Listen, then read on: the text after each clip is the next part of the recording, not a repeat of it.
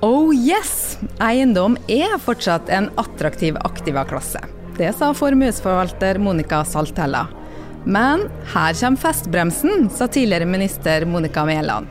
Mens Arne Føland Larsen fra Link minner oss på at vi ikke kan droppe bærekraft, sjøl om det er dårlige tider.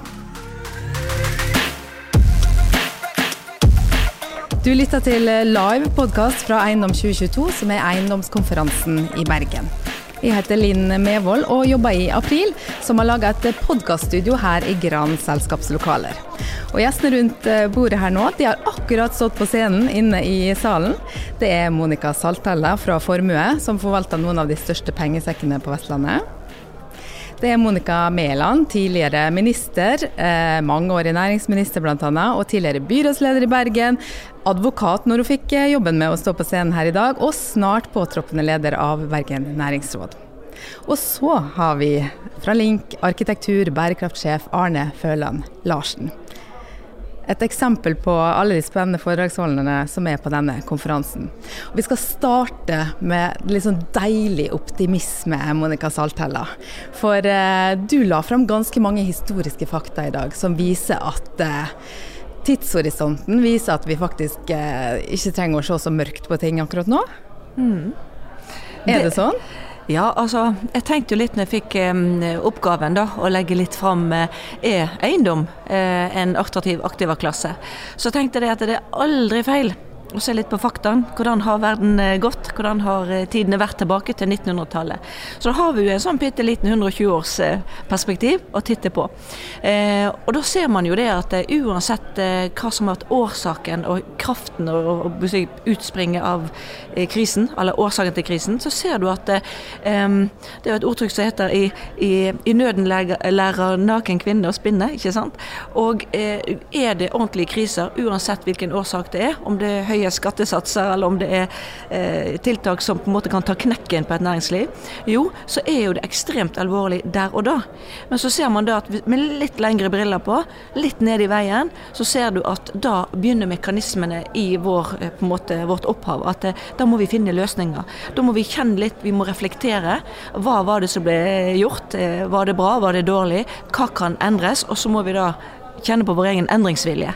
Og da skjer det nye oppturer, og eh, ikke minst at eh, kraft, kraftsentrumene trer inn. Og det vi ser i dag, er jo dette her med at det er så enorme mye midler der ute som likevel skal i virksomhet. De skal inn i tannhjulene, de skal gripe, men de sitter nå og er litt sånn bekymra på nåtidsbildet. Mm. Eh, så du var ganske sånn positiv i dag. Viste fram at eh, det går, eh, går, greit det her. Og så kom det jo rett etterpå en annen Monica på scenen, Monica Mæland, som hadde fått oppgaven å se på statsbudsjettet. Og da er det kanskje ikke overraskende at du som tidligere Høyre-politiker ikke er så fornøyd med Arbeiderpartiet-regjeringens statsbudsjett. Men du starta jo med å si at her kommer festbremsen. Jeg gjorde det, og egentlig jeg prøver jo i minst mulig grad å være partipolitiker nå. Jeg vet at de som styrer Norge, styrer Norge godt. Jeg vet òg at det er veldig vanskelig å lage statsbudsjett. Eh, det har jeg vært med på eh, åtte ganger, så det vet jeg.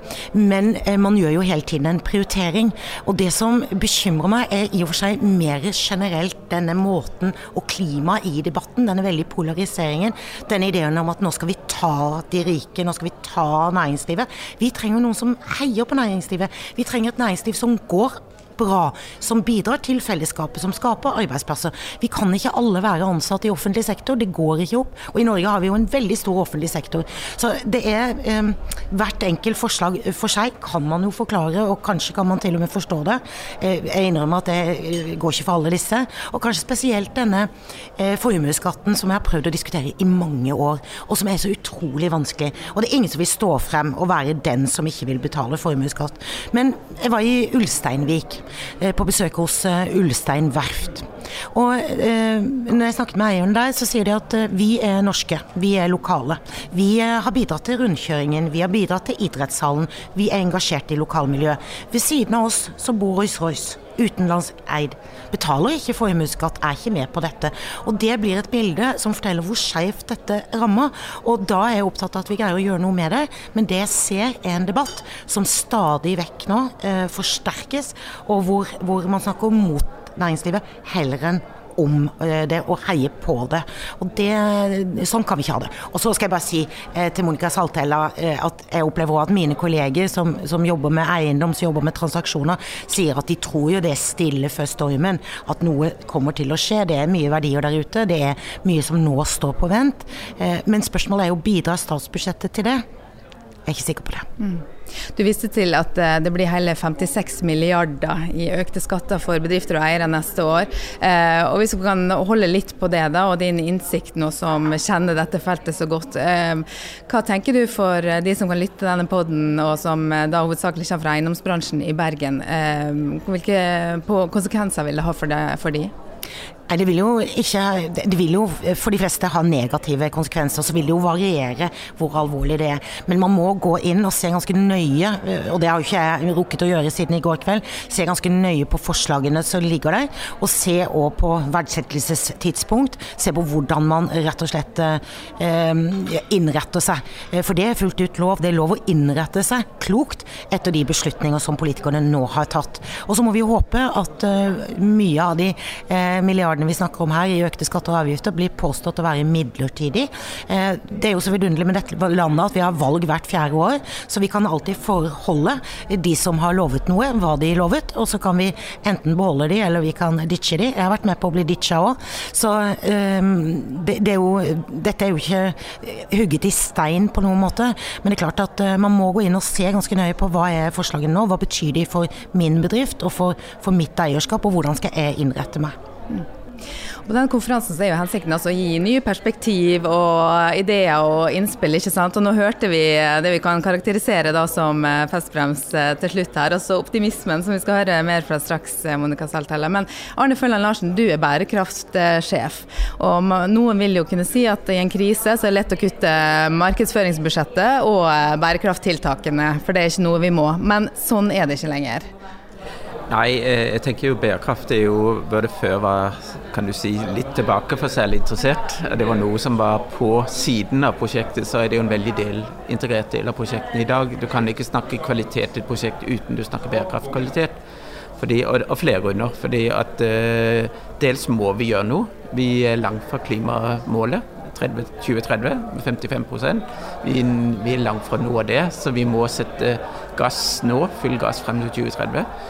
Vi ser jo òg at eh, risiko er kommet inn. en, altså Det at du faktisk har grå bygg i stedet for grønne bygg, det er en risikofaktor som egentlig påvirker finansielle, det påvirker lønnsomhet på lang sikt. Så de som er langsiktige, tenker langsiktig, som ikke tenker kort, de må tenke bærekraft òg hvis de skal ha lønnsomhet i sine prosjekter.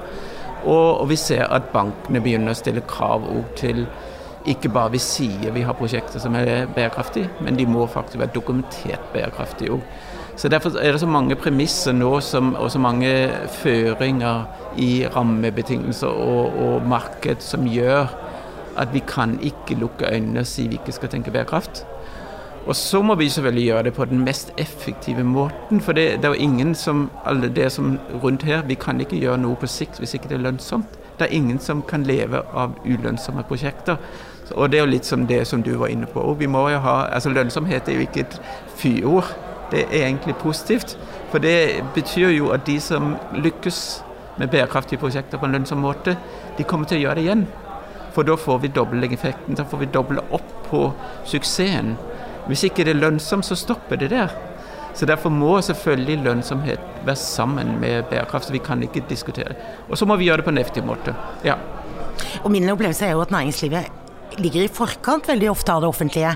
Det skjer en enorm innovasjon, det skjer en enorm satsing på det grønne skiftet. Alle forstår at hvis man ikke er med på eh, det, det som Monica Saltella også hvis du ikke allerede er i gang, så må du kaste deg på dette toget. Fordi man må tenke 'what's in it for us'. Og det, å, det er litt som med barnearbeid. Altså, eh, I dag er det jo det er jo ingen som ville tenkt tanken på det, eller korrupsjon eller noe annet. I dag er det litt det samme grønne skiftet. De som ikke er på, de som ikke leverer, de som ikke kan dokumentere at de leverer, de kommer ikke til å bli med videre. De har ingen fremtid, rett og slett. Men da må du ha eh, et næringsliv som går med overskudd som kan investere, fordi det er dyrt å investere i det grønne skiftet. Mm. Og vi skal gå inn for landing her. Men det var jo også noe du oppsummerte med, Monica Saltelle. At uh, noe av det som man kan være smart å satse på framover, det er nettopp dette med grønne eiendommer, da, for å kalle ja. det mm. Mm, absolutt. Og det går jo litt på det at, som òg Arne var inne på, at det, det er ingen vei utenom nå. Det kommer reguleringer òg at de som er eiendomsbesittere, skal ha en egen bærekraftsstrategi og kunne dokumentere at dette tar de på alvor. Eh, tiltak eh, som går på hvordan både bygget og eiendommen skal ivaretas, pusses opp, men òg brukerne. At tar man da brukerne som skal leie hos en, tar man de på alvor. Eh, og blir ikke dette på en måte fremlagt i, i, i den dokumentasjonsform han må være, ja, så kommer, går det utover både finansiering og tilpasning og i det hele tatt. Så det er, det er en nødvendighet av å få det til. Og man har jo, som du var inne på, man har skjøvet det litt for seg eh, en stund, for man tenkte ja, kanskje det kommer litt ned i veien, det er kanskje en utgiftspost vi kan vente litt på. Men nei, det er det ikke lenger. Den må inn. Og så må man òg snu det litt igjen. sant? Jeg liker jo alltid å ta litt fakta, og så ser man at det, det skjer mye tøffe ting. Det har vært mange kriser. Men ut av hver krise, ut av hver på en måte eh, situasjon som oppstår, så oppstår det òg nye ideer og på en måte kreativ tenkning og handlekraft til å gjøre noe med det. Og dette med eh, eh, klima Vi har ikke mer enn tid av veien for å på en måte oppnå de eh, bærekraftsmålene som, og miljøkravene som, som vi har satt. Og næringslivet må være med på det. Man må tilpasse seg. Og gevinsten tilbake er jo da at eh, næringslivet, si, bankene da, som skal være med å finansiere en del av dette, der òg kan du få da økt si, støtte, dvs. Si billigere lån, til da å utvikle eiendommen og næringslivet. Så Monica Mæland sa, jeg likte jo herlig hennes vinkling på at ja, det kom til et tøft statsbudsjett. Og denne krisen vi har hatt nå, altså du hadde pandemien og så ble det umiddelbart utløst av Ukraina-krisen. Så nå, nå, har jo næringslivet og verden og Norge og Bergen kjent på alt dette her. Og med et nydelig statsbudsjett som, for å ha litt humoristisk sans på det, så, så, er det klart at det bremser jo på en måte da eh, den evnen næringslivet har til å um, putte mer penger umiddelbart. For da må næringslivet stoppe litt opp. Og hvordan skal vi tilpasse oss nå eh, på en måte eh, det neste året og to, før vi da kan eventuelt se en ny eh, vei ut av eh, situasjonen og krisen som er nå? Vi avrydda, men helt til slutt, Arne. Vi skal si én kort ting som de som har lytta til podkasten eller vært på konferansen nå bør gå hjem og gjøre. Hva er det? Det bør gå hjem og lage en strategi for utvikling, eh, bærekraftig utvikling av sin portefølje. Ja. Hva ville du sagt, eh, Monica? Kontakt revisor og advokat. Gjerne advokatfirma Skjøtt. og da kan, kan vi ane oss hva du vil anbefale? Ja, ja absolutt. sant. Jeg bare følger opp eh, Monica Mæland her med å si at eh, god plan, det sa jeg også i foredraget mitt, ekstremt viktig å ha en god plan, langsiktig plan. Hold deg til den, for det er ofte det, det er en grunn for at du har laget den planen. Gode advokater trengs virkelig i det terrenget som er der ute. Og vi står eh, parat til å hjelpe og sitte på kundens side og finne gode løsninger i dette terrenget. Så får vi på plass.